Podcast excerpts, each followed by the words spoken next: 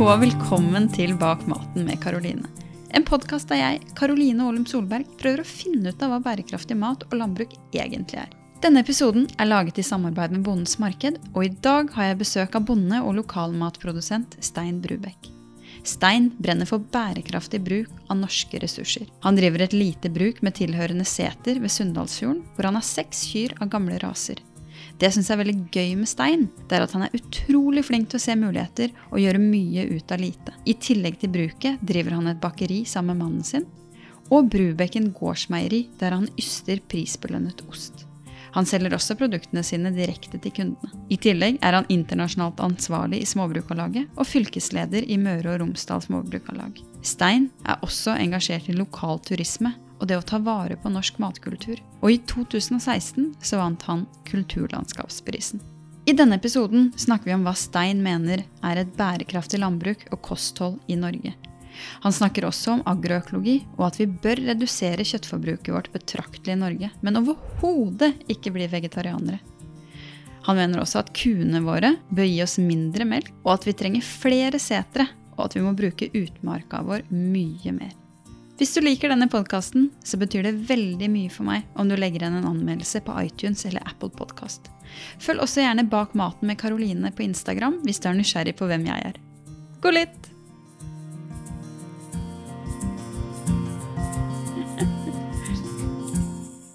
Hei, Stein. Hallo. Velkommen. Takk for det. Veldig veldig hyggelig å ha deg her. Like hyggelig for min side. Så bra. Eh, som jeg sa i, i introen her, så, så, har du virkelig klart å gjøre veldig mye ut av tilsynelatende eh, lite. Eh, så jeg, jeg, har lyst til å begynne med hvorfor valgte du egentlig å satse på, på håndverk og kvalitet og tradisjon på den, på den måten du har valgt å gjøre det på? Eh, for det første så har det sin bakgrunn i det jeg har gjort opp gjennom livet. at Jeg har gjort, jeg tror på at vi fleste av oss skal gjøre mange forskjellige ting, ikke gjøre én ting i hele livet. Jeg har lyst på nye utfordringer. Jeg drev idrett, jeg reiste rundt. Jeg kommer jo eh, fra et lite småbruk. Eh, og det at jeg fikk komme ut av Norge og se andre kulturer sin håndtering av matkultur, det gjorde at jeg fikk noen nye øyne også for min egen kultur. Uh, og etter 20 år som byråkrat så følte jeg behov for å gjøre noe annet. Og, og grep i fatt i gardsbruket, og spesielt når folk sier at det her går bare ikke an. Det er det som trigger meg aller mest. ja. Kan ikke du si litt om den, den, filosofien du har lagt til grunn for å mm. Altså den måten du driver eh, gården din på i dag? Mm.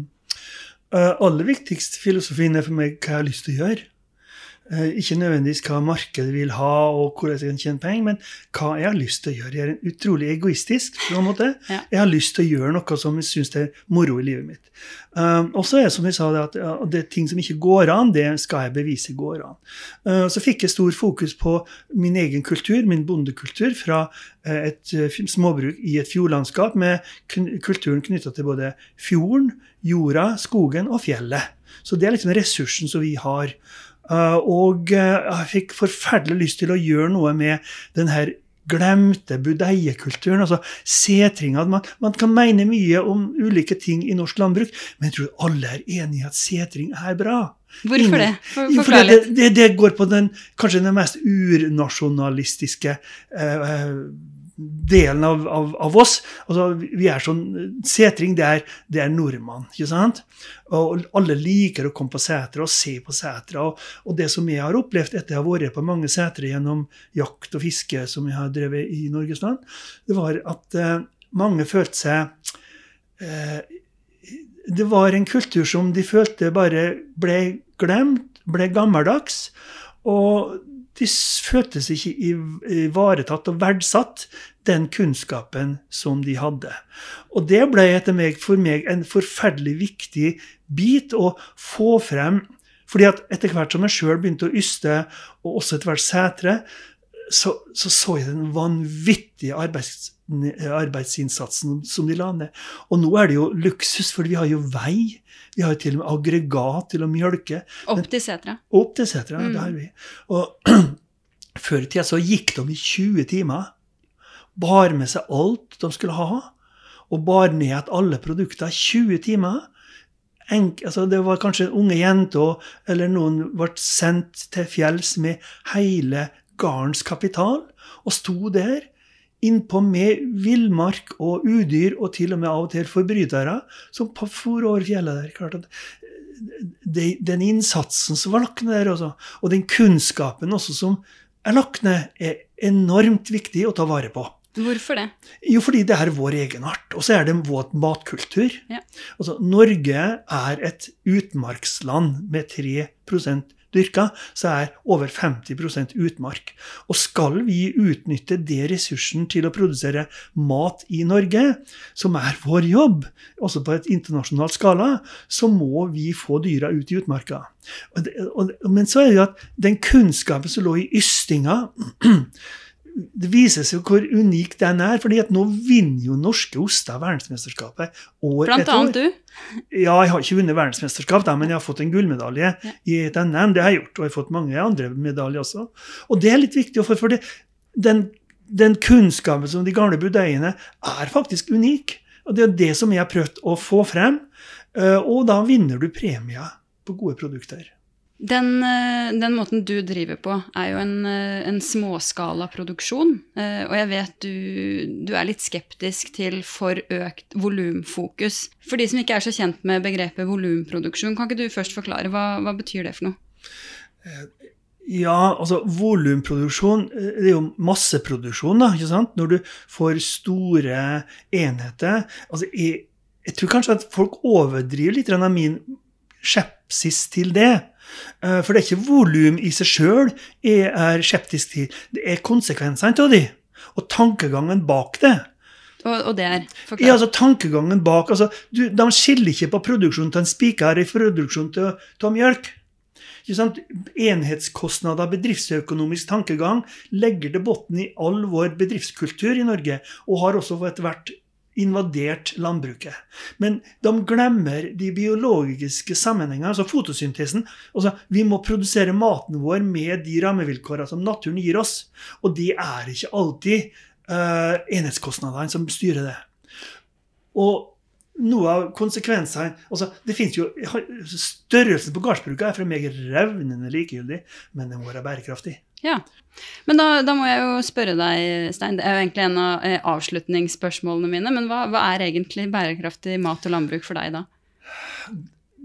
Det er jo komplekst, og det blir jo misbrukt. Men det går på det med å Altså bærekraft. Bærekraft. Mm. Da skal du produsere mat på en måte som gjør at maten er sunn. At du ikke ødelegger jorda, at du får en fruktbar jord også i fremtida. At du ikke forurenser vann, lufta. Eh, Og du skal også ha en, den kulturelle biten i det. eh, Og da kan du like godt si er lik agroøkologi. Det er det som eh, tankene mine ofte går rundt på det. Eh, Og agroøkologi. Når du først har Ja. introdusert dette begrepet, Ja. hva, hva betyr det for deg? Agroøkologi betyr at vi i Norge produserer vår egen mat på våre egne fornybare ressurser uten å ha fokus på sunn mat. Uten at vi forurenser luft og vann, og at vi samtidig har ei fruktbar jord i framtida. Så det blir jo egentlig den definisjonen du, du hadde på bærekraftig mat og landbruk. Ja, for meg er det det. Ja. Uh, men volum Altså, eh, du kan lett flytte på kvoter. Kjøpe og selge kvoter. Men du får ikke flytta på jorda, som var grunnlaget for Kvoter. Ja, melkekvoter. Altså, I dag så har vi, i Norge er et av de få landene som har en kvotepolitikk, altså kvotesystem, hvor Tine, som da er vårt unike samvirke, har gitt bønder som produserer mjølk, lov til å produsere opptil x antall liter. Det er en kvote. Og Tine garanterer å hente den eh, mjølka til en garantert pris, som vi i landbruksorganisasjonene fremforhandler hvert år. Mm. Det er en veldig, veldig trygghet for bonden. Veldig trygghet. Og det er klart at samvirket de henter mjølkeskvetten selv om man ligger langt inne i fjellet, Mm. hvis du har en kvote. Ja. Uh, og det er det unike med samvirket. De skal ha markedsregulering, de skal regulere markedet, men de henter det uansett hvor langt unna og irrasjonelt transporten måtte bli. Og det er forskjellen på de private kontra samvirket. De private kan plukke hvor de vil hente sine varer fra. Det kan ikke samvirke. Det er unikt.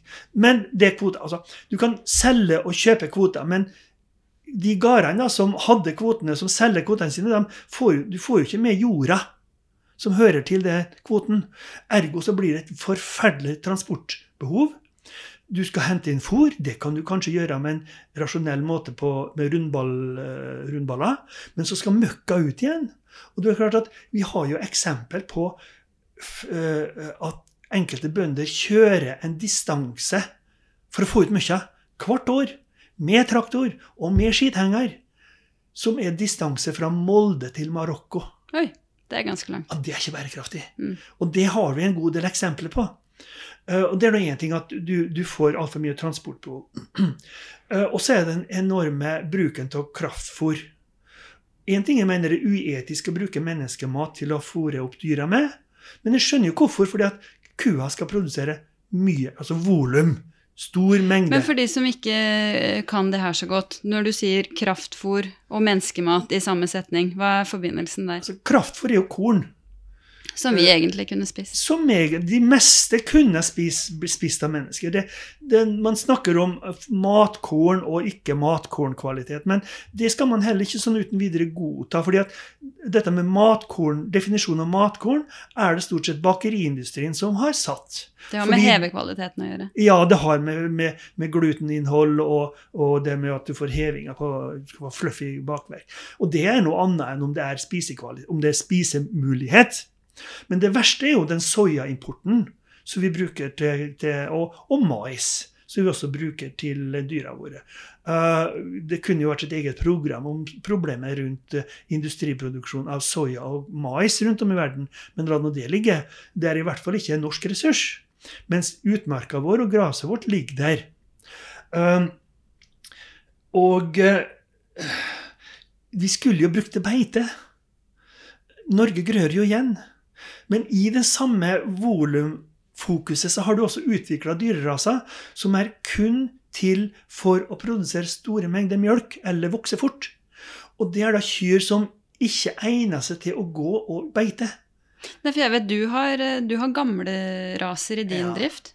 Fortell, hva, hva, er fordelen med det? Fordelen med de gamle norske kurasene er at de er genetisk avla og egnet til å bruke norsk areal. Det være seg innmark, skråstek utmark, på setra. De har ikke så store jur, de er lettere til beins, og de har et annet beitemønster. Det er forska på beitemønstre på de moderne kyrne og de gamle kurasene. Uh, de gamle kurasene går og knepper og beiter mye mer, mens ei NRF-ku f.eks. hun står ofte og gneger. Det er den vanligste rasen den i Norge. Norsk rødtfe. Ja, som er utvikla for å bli en god mjølkeku. Mm. Og sikkert en god rase. Men, men, konsekvensene er at vi får oss ikke utnytta utmarka vår. Og, ikke, det aller verste er det som jeg følger på, det er at alle setrene blir nedlagt. Og flere og flere melkeroboter. fordi at har du en melkerobot, så er det begrensa hvor langt unna kua kan gå, fordi at roboten skal betjene kua flere ganger for dagen. Eh, og da blir det i beste fall innmark, som jeg mener skulle være brukt til annen produksjon enn at kua går der. For skogen ligger jo der, fjellet ligger jo der. Det er utmarka. Skogen er utmarka, og fjellet. Mm. Ja. Og jeg syns også det er en uting at du har pressa dyra til så høy ytelse at du får et forkorta livsløp. Jeg tror NRF-kua har et gjennomsnittlig alder på 4,5 år. To kalvinger ferdig med henne.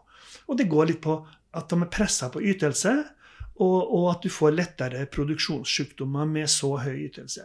Bjøllekua mi hun er 19 år og fungerer som bare det. En glimrende ku utrolig dominant ku. og Hun jaga unna andre kuflokker. Selv ei stor herfolkku som kommer i nærheten av flokken min, mm. hun får så det fyker innover fjellet. Jeg vet du er, er eh, veldig opptatt av at norsk landbruk skal være en del av uh, framtiden. Og, og, i det så, så, føler jeg det ligger en, en trussel. Da. Uh, du har jo kanskje sagt litt om det nå, men, men hva er den trusselen du tenker på? For det første er jo trusselen uh, at importen tar mer og mer over. Klart, I matbutikken. I matbutikken. Mm. I, det er klart at Importen, særlig på hvis du snakker mjølk, da, på flytende produkter, yoghurt og sånt, nå, er blitt enorm. Og de går utover norsk landbruk. Fordi eh, vi egentlig er selvforsynte med meieriprodukter i Norge? Vi eller? kunne ha vært selvforsynte med kjøtt og mjølk i Norge, ja. ja. Vi har ikke aldri vært selvforsynte med korn og grønnsaker. Det er utfordringa. Eh, det er klart at I det så ligger det en sånn utfordring om man, man, har på det internasjonale politikkområdet om man evner å ta inn over seg at, kan, altså at, matproduksjon er en nasjonalt ansvar, og at man bør kanskje gjøre noe med grensevern. FAO sier jo det at hver nasjon skal produsere sin mat på egne ressurser, og det er et ledd i global bekjempelse av sult og fattigdom. Så spørsmålet om vi tar det innover oss. FAO? Ja, FAO. Det er FN sin mat- og landbruksorganisasjon. Har ja. sitt hovedsete i Roma. Ja. Jeg har hatt den kjempestore interessante jobben å sitte der i norske komiteen på vegne av Småbrukarlaget i fem år. Mm. Jeg vet du også har vært involvert i en rapport eh, ja. som jeg syns er veldig interessant, som heter Future Nordic Diets. Um, en rapport som undersøker om Norden kan være selvforsynt med mat. Um, rapporten mener jo ja. Mm. Eh, for, forklar litt. Ja, Det var et utrolig interessant arbeid. Det var Egon Olav Randen i, fra Internasjonalt utvalg som var mest aktive i den arbeidet. der. Det starta, og, da er vi inne på sånn, dette med veganer, tankegang, kjøtt. Eh, fordi det starta i bunn og grunn fra en interesseorganisasjon i Sverige som ønska å bevise at vi alle sammen burde bli vegetarianere. Uh, og vi hadde noen førstemøter som vi steila voldsomt på, fordi at uh, man tok ikke for seg det internasjonale aspektet. Uh, men både vi og den danske organisasjonen Frie Bønder har jo vår rot i La Via Campesina, som er utrolig opptatt av akkurat det her globale perspektivet. og det er klart at vi i Norge vi er litt annerledes enn de andre landene, for sjøl svenskene har vel mer eller mindre avvikla utmarksbeita si. Så vi er kanskje det eneste landet med aktivt utmarksbeiting, fordi vi har hatt mye mer desentralisert landbruk også. Uh, så til slutt endte vi da opp med å få en rapport med to scenarioer. Hvor det ene scenarioet da uh, sa noe om hvor mye mat kunne vi produsere i Skandinavia. Altså Norge, Finland, Sverige og Danmark. Visste at all jord som kunne brukes til korn og grønnsaker, ble brukt til det. Eh, og vi kan produsere nok mat. Eh, men da må vi redusere vårt kjøttforbruk med 90 ja. For da blir det ikke plass til uh, altså da, Alt som kan brukes til korn og grønnsaker, skal brukes til det. Og da er det ikke grasareal igjen lenger til å dyrke vinterfôr til drøvtyggerne våre. Uh, men så så vi også på en, en, en annen scenario da, hvor, hvor vi hadde akkurat det samme antallet drøvtyggere i Skandinavia som i dag. Eh, og da viste det seg at vi kunne produsere enda mer mat.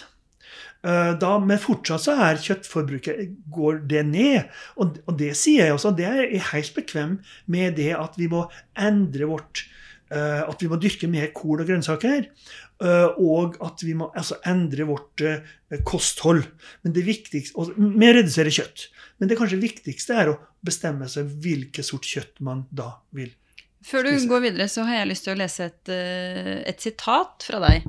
Etter min mening er det hvitt kjøtt som bør reduseres. Kylling og gris som spiser menneskemat. Det er i mitt bilde uetisk så lenge det sulter 800 millioner mennesker i verden. Jeg syns jo det er et veldig interessant perspektiv, i hvert fall med tanke på eh, klimadebatten som vi hører, og veldig mange som, som, mener at vi bør spise mer hvitt kjøtt. Da, mm. både for helse og for, eh, for klima. Mm. Men, eh, men du tenker annerledes? Det går jo på den måten som vi i dag avler og fôrer opp krisekylling på. Uh, kylling var en luksuskjøtt da jeg var ung. Uh, I dag så produserer vi mye av det her med uh, korn, kraftfôr og importerte innsatsfaktorer. Som jeg da allerede sagt mener bør brukes til menneskemat. Altså mais og soya og, ja, og korn? Ja. ja. Det er det ene. Og det andre er soya gir usunn mat. Soya i kraftfôret bl.a. skaper høye omega-6-syrer i både kjøtt og melk, som da er en av de tingene som vi, som vi, ser som et problem i dag. Derimot, hvis du lar kua få lov til å gå og beite, og hvis du lar kyllingen få gå til å spise naturlig, naturlig i naturen, så vil du få en balanse mellom omega-3 og omega-6 som gjør mye sunnere mat. Um, men, men men både gris og kylling hører jo hjemme i norsk landbruk. Hvis vi kunne ha fått til en annen måte å, å, å, å produsere det på. Hvordan ser det ut da? Ja, du kan jo Grisen er jo en glimrende beitebruker. Og det fins jo mye avfall som man kunne brukt til det. Mm, Matsvinn. Matsvinn, blant annet. Mm. Jeg tror nok at denne intense, intensive volumproduksjonen som vi snakker om nå, i kyllingen, bør vi kunne ta noen diskusjoner rundt om det er etisk riktig både for kyllingens del og for si, den globale sulten sin del. Fortell litt mer hva du tenker rundt det. Den altså, etiske biten. Den etiske biten, Nå har de gjort masse forbedringer da, på kyllingproduksjon.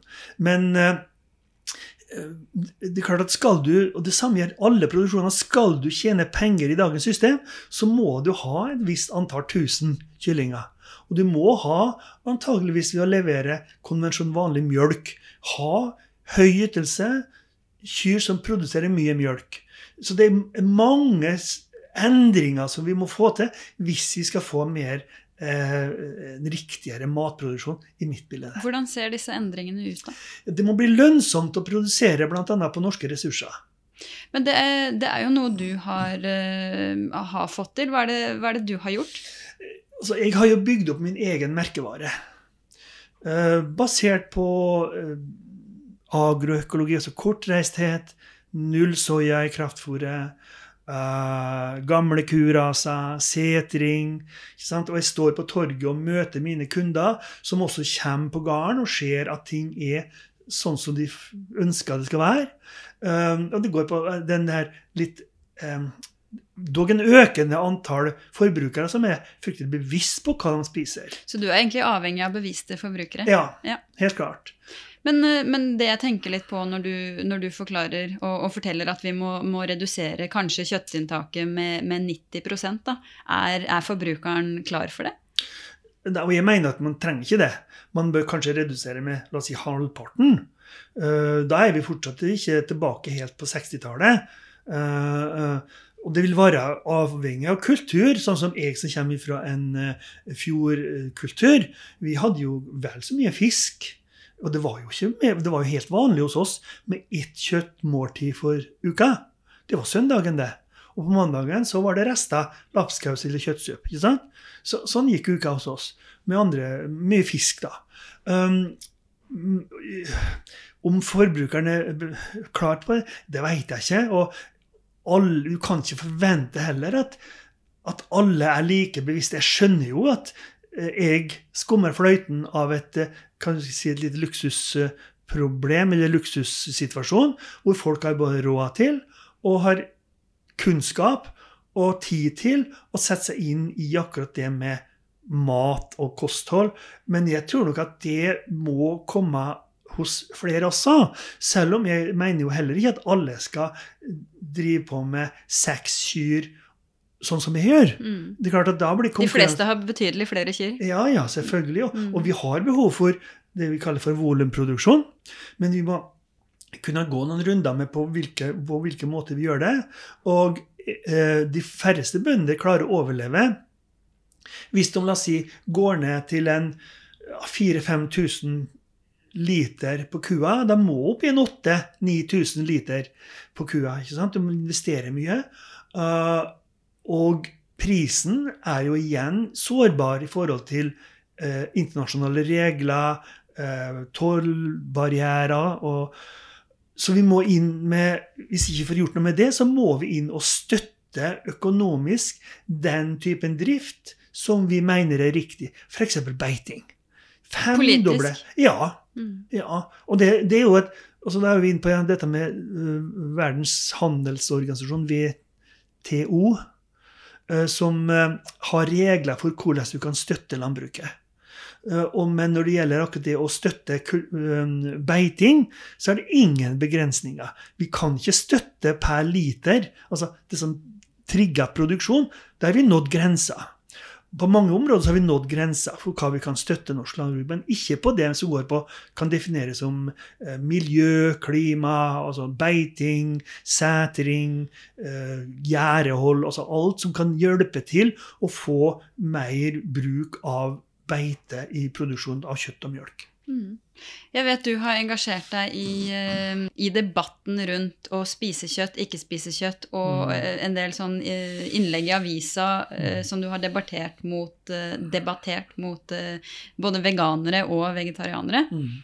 Og jeg har hørt flere vegetarianere bruke som argument at, eh, at vi bruker statlige penger til å, til å støtte en, eh, en drift som, som verken er bærekraftig eller sunn, og, og rødt kjøtt, og at man ikke bør spise rødt kjøtt og sånn. Jeg vet du er ganske eh, uenig i det, da. Altså, jeg er jo ikke for alle de støtteordningene som finnes i dag. Jeg mener man kunne ha masse forbedringer på det. Og til en viss grad så er jo det riktig. Men å kutte ut rødt kjøtt i Norge, det er fullstendig feil feilspor. Jeg aksepterer at man tar en overbevisning om at man har overbevisning om at man ikke spiser kjøtt. eh, eh, basert på dyreetikk og hva det måtte være, altså at man ikke vil være med å drepe dyr. Eh, det er greit, men det er en egoistisk måte å tenke på. For det har ingenting med bærekraft å gjøre. Å være vegetarianer. Nei. Det, altså jeg sier at vegetarianere og veganere de er med på å øke sult og fattigdom i verden. Og det er ut ifra FAO sin, sin, sin anmodning om at alle land skal produsere sin egen mat på egne fornybare ressurser. I et beiteland som Norge så er, kommer du aldri utenom øh, drøvtyggere.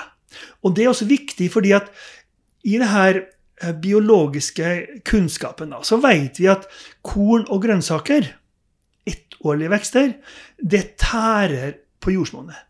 For de tar ut energi uten å tilføre noe energi. Fordi altså, eh, frukta eller kornet er på, på, over jorda, og det blir høsta, og det blir ikke tilført noe nytt. Da vil jeg bare forklare ettårige vekster. Er, Ja, korn og altså- grønnsaker. Ja, det, Korn som og du, grønnsaker. det, som du dyrker, det som du må så hvert eneste Yes. år, da. I motsetning Pløying. til flerårige vekster. Ja. Som har dypere rotsystemer og mm. det flerårlige vekster er gresset, som da responderer positivt når det blir slått eller blir bedt, ved at det slår ytterligere mer røtter. Og fotosyntese gjennom bladene bringer bake, tilbake til jorda mye av det næringsstoffet der hvor korn og grønnsaker bare trekker ut. Og det er i det jordsmonnet der under gresset at du binder karbon, hvor det motsatte er at du, tar, altså at du slipper ut karbon pga. pløyinga som du må gjøre når du har korn og grønnsaker. Det er også ett element. Men det viktigste elementet er at skal vi ha nok mat i verden, så må vi, et grasland, ha drøvtyggere til å omforme gresset til kjøtt og mjølk. Men det kan jo jeg eh, være helt enig i. Men når den rapporten sier at man må redusere med kjøttforbruket med 90% er det ikke rom for å ha noen vegetarianere i Norge da? Jo, for all del, men det er jo, altså det er jo et De 90 er jo ikke det jeg kaller et bærekraftig landbruk, fordi det er altfor mye korn og grønnsaker. Og for å kunne uh, du vet Ja, det er det du snakka om Ja. ettårige vekster. Ja, ja, ja. Mm. Og det er klart at også den rapporten sier jo annet det at for å kunne ha brakklegging Hva, da må du forklare hva brakk... Brakklegging, det vil si at det, for å unngå at du opptærer opp den jorda hvor du dyrker korn og grønnsaker, så må den få ligge i fred en visst antall år og produsere gress. Men i det første scenarioet så har du ikke noe bruk for det gresset. Det blir da brukt til biodiesel eller hva det måtte være. ikke sant? Og Det syns jeg er helt forkastelig. Det sulter fortsatt verden, folk i verden. Også på det andre, for jeg mener det andre scenarioet er mer realistisk, hvor vi fortsatt skal redusere kjøttforbruket vårt med en 60 det, det tror jeg vi skal klare. Og da, har vi også et, og da får du eh, en vekstskifte der hvor vi produserer grønnsaker og korn med gras. Sånn at da ivaretar du også karbonbindinga. Du kan, vi kan også øke kjøttproduksjonen vår. fordi at i dag utnytter vi kanskje bare halvparten av beitene våre. Og det var det som lå til grunn for scenario to. Kanskje, men da ville vi også måtte ta mer av dyrka jorda til å dyrke eh, vinterfôr til de samme drøvtyggerne. Som igjen da vil redusere korn- og grønnsakarealet. Dette ble litt avansert. Det, det siste du sa her med vinterfôr, forklar hvordan det henger sammen. Ja, altså hvis du, sånn som jeg nå, nå har jo jeg dyra på beite fra tidlig mai til ute i oktober. Og to av disse månedene der er de på setra. Men så må jeg ha fôr til dem også de andre månedene når de står inne. Og det er det vi bruker arealet til for å dyrke gras til vinterfôr. Og si, Jo mer drøvtyggere du har, jo mer areal må du bruke for å dyrke vinterfôr også. Og det kan gå utover korn og grønnsaker. Så dette er en balansegang. Mm. Jeg vet du driver med noe du kaller eh, agroøkologisk beiting. Er det sånn du har forklart nå, eller? Er det det du har forklart nå? Ja. ja. Um, Altså, Det gjør jeg ikke perfekt for alle, for jeg kan for lite agronomi til det.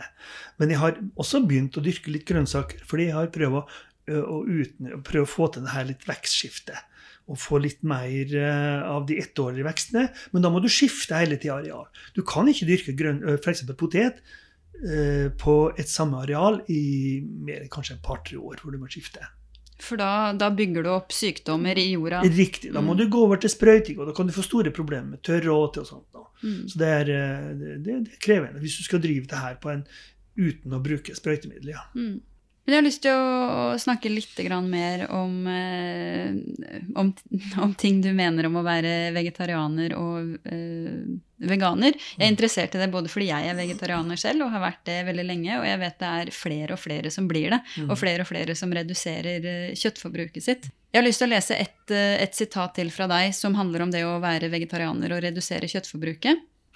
Vi kan ikke se dette i en tabloid sammenheng med mangel på kunnskap og lettvinte løsninger, men i en holistisk sammenheng. Hva, hva mener du egentlig med det? Holistisk, da er det Da må du se mange ting i sammenheng. Altså, eh, et, da må du ta det globale.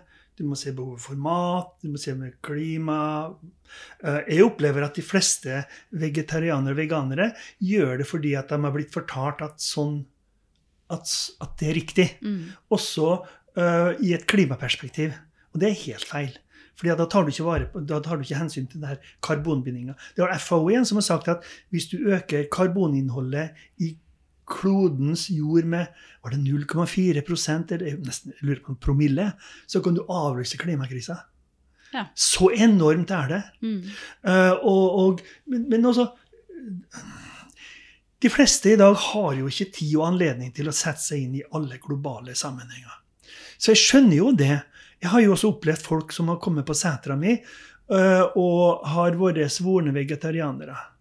Også fordi at det er så mye vannforbruk i produksjon av kjøtt. Og når jeg da påpeker at deres hårvask og vannforbruk, søling med vann, er mye mindre bærekraftig enn kjøttproduksjon, da har ikke det blitt populært tatt imot. Også. Men det Nei. har noe at uh, altså man, man, ser jo ikke sammenhengen alltid.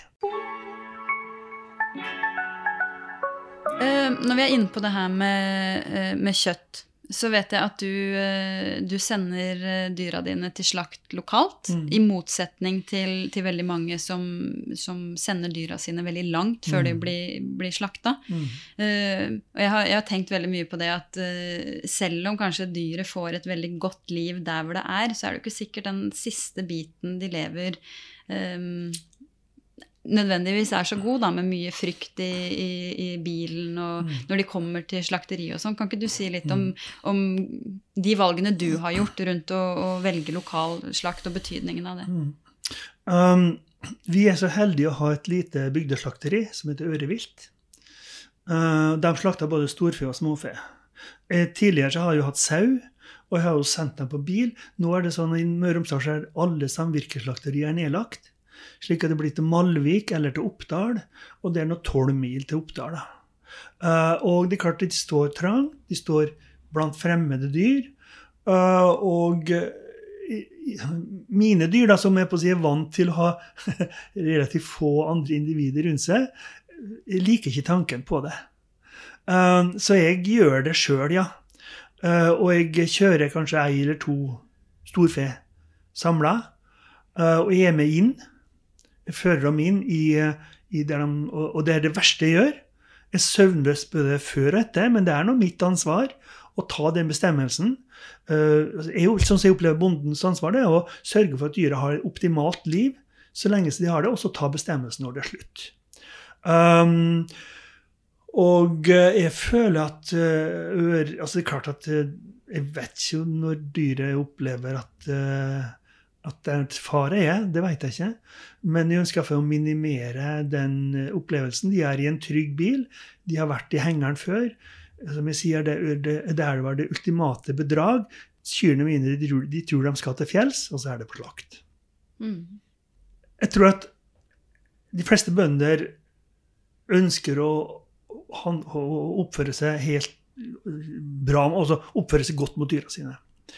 Men det er klart det er et visst forskjell på om du har 20 000 kyllinger, eh, eller en 500 gris og til og med 100 kyr, eh, i for, i, sett i forhold til hva jeg har, da.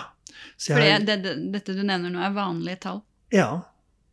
Jeg har ikke så god oversikt over hvor stor kon, kon, kon, konsesjonsreglene er på kylling og, og, og, og, gris, men at det er vanlig med en 70-100 kyr, ja, det er det nok. ja. Uh, og vi har jo veterinærer, vi har jo Mattilsynet, så jeg tror at aller, aller, aller fleste dyra har det greit OK. Uh, men for meg så ville det likevel bli altfor upersonlig. Uh, jeg trives sammen med dyr. Jeg har alltid vært sammen med dyr. Det være seg jakthund eller produksjonsdyr. Og enten det nå er at de må ta, må ta livet av en uh, jakthund som vi har hatt i 15 år, eller ei ku som vi har hatt i 20 år, så er det fryktelig tøft og vanskelig. Men det er noe jeg må gjøre. Mm. Uh, de fleste bønder tenker nok Jeg ønsker for at bønder skal tenke på at det de gjør, er befolkninga sin mat. men jeg tror at de færreste ser den sammenhengen. For til det så er den maten som frembys i butikkene, etter min mening for usunn til at bonden er bekvem med å ha vært produsent. Fordi råvarene kan være bra, men det som blir fremstilt, er ikke like bra alltid. Og fremstilt mener du da bearbeida? Ja, mm. bearbeida. Øh, altså de, øh, de, de, produktene som faktisk selges i butikk, da, ja, tenker du på? Ja. Mm. Det kan være salt, det kan være mye tilsetningsstoffer, det kan være mye vann som blir tilsatt for å øke vekta. Det er masse måter å jukse på. og Litt for ofte så blir det gjort, det. Mm. Og, og, det er klart at det, det, vil ikke en bonde ta ansvar for, Nei. selv om han i bunn og grunn kanskje skulle ha gjort det. Det er jo samvirkeorganisasjonene våre som er en del av det her. Men det er jo mange ledd på veien som Det er jo fryktelig vanskelig å ha den hele kontrollen på en sånn verdikjede. Men det er jo det som jeg har, da. Ja. Du snakker jo om ansvar her i forhold til dyra dine. Mm. Eh, hvilke andre Hva slags annet ansvar tenker du en, bonde har i dag? Ja, det er klart at vi har jo et klimakrise på gang. Um, men det er vanskelig å gjøre bonden til å ta et personlig ansvar, fordi at bonden må forholde seg til de rammevilkårene som han har. Og han blir gitt var rammevilkår, og hans jobb er i bunn og grunn å få garn til å gå rundt. Og ha en viss inntjening og overskudd. Og, og, det er ikke alltid at de rammevilkåra eh, er slik tilrettelagt at det ivaretar en god uh, klima- og miljøansvar. Det må vi gjøre noe med. Uh, det er gjort forsøk på det, men det blir altfor enkle løsninger, syns jeg. Fordi vi har jo sett at man har funnet ut at ei ku som står inne og et kraftfôr med soya fra Brasil, er mindre har et mindre klimaavtrykk enn ei ku som går på beite. Fordi at regelverket er sånn at du bare tar hensyn til det som skjer i det innenfor landets grenser, og du tar ikke hensyn til klimaproblemer som bl.a. soyaproduksjon skaper i Brasil. Så at regnestykket og metodikken er heller ikke god nok til at du kan i hvert fall ansvarliggjøre bonden på det. Mm. Hvis du kan, vi, vi, begynner å nærme oss eh, slutten, Stein. Men eh, hvis du kan velge, hvor er landbruket i Norge om ti år? Eh, da har vi Eller 15 år, eller 20 ja, år? Ja. Da har vi fått økt antallet bruk. Mm, til ca. 100 000. Hva er det på i dag? Det er på rundt 40. Mm. Og noe 40. som går nedover stadig. Ja, ja, det gjør det. Mm. Og vi har også minst uh, 20 000 setere. Hva har, har, vi i dag? I dag har vi 900 ca. Oi, ja. Uh, vi har fått uh, redusert uh, ytelsen på kua. Vi har fått kutta ut mye av kraftfôret. Og vi har fått satt i gang et system som gjør at kua får lov til å gå ut og beite. Vi har, ikke minst så har vi minst 10 000 geitebruk. For det er kun 200, ca. 250 geitebruk igjen. Og, og det er det vi trenger i framtida. Altså, geiter er en unik dyr til å beite, til å ta kratt, til å rydde. Vi har fått tilbake en, eh, kanskje 2000-4000 små samvirke, bygdesamvirke. Eh, slik at økomiljøet i Sykkylven slipper å sende mjølka si til eh, over fjellene og ned til Østlandet. Du har fått et økomeieri i Sykkylven. Og du har fått et kystmeieri, og du har fått et trollheimsmeieri. Og du har fått en del sånne eh, altså, Jeg ønsker å ha samvirke og samarbeid. Og det er fordi at jeg har opplevd og bygd opp ett, mitt eget, og det det skal ikke alle gårder gjøre. Nei. Så du ønsker deg eh, mer lokal makt, da, egentlig? Mer lokalt, mer kortreist mat. Mm. Ikke minst det. At både råstoffet skal ikke transporteres for langt. Det er både ikke bra for klimaet, og det ødelegger delvis også produktet. Mm. Og du får en mye, Jeg ønsker også vi får tilbake en mye mer bevissthet hos forbrukeren på det at de skal spise norsk, spise lokalt, og, og se hvorfor de skal gjøre det. Du nevnte eh, at du vil ha ned ytelsen på kua. Det ja. er jo til, i motsetning til, eh, til, mange jeg har snakka med. Kan mm. ikke du forklare hvorfor? Jeg ønsker at kua skal yte mindre mjølk, men få lov til å gå mye mer på gras og ete mer gras og mindre kraftfôr. Da kommer automatisk reduksjon. Da må vi ha opp mye flere kyr. Uh, og kanskje vi får tilbake mye mer av de genetisk norske kurasene også. Da trenger vi flere gardsbruk som skal drive med mjølk, ja. men vi trenger ikke flere med 100 kyr. Så, så det det egentlig betyr, er at når du gir kua eh, kraftfôr, så går ytelsen opp? Ja, protein. Protein, det er Høyproteinfôr. Mm -hmm. Det er det som gjør at du kan få så høy ytelse på kua. Ja. Når hun må ut og gå det er noe en ting at Når mine kyr går mange kilometer for dagen, det, det er klart at de bruker energi på det også. Mm. Det vil jo også redusere melkeproduksjonen. Mm. Men det er jo ku har det jo godt. Ja. Du skulle sett henne når hun av og til står på andre sida av innsjøen, og så orker hun ikke å gå rundt, og så roper jeg bare på henne. Så legger hun på svøm og svømmer over og kommer hjem med nyvaska jur og nedkjørt mjølk. Mm. Helt til slutt, Stein, hva, hva gir deg håp? Uh, den bevisste forbrukeren. Mer enn politikeren. Ja. Tusen takk for at du kom, Sten. Kjempehyggelig å få komme. Denne episoden er laget av meg, Karoline Olum Solberg, i samarbeid med Bondens Marked. Musikken er produsert av Creo og Liro Sver. Tusen takk for at du hørte på denne episoden, og husk at det utgjør en stor forskjell om du legger igjen en anmeldelse på iTunes eller Apple Podkast. Vi høres igjen. Ha det!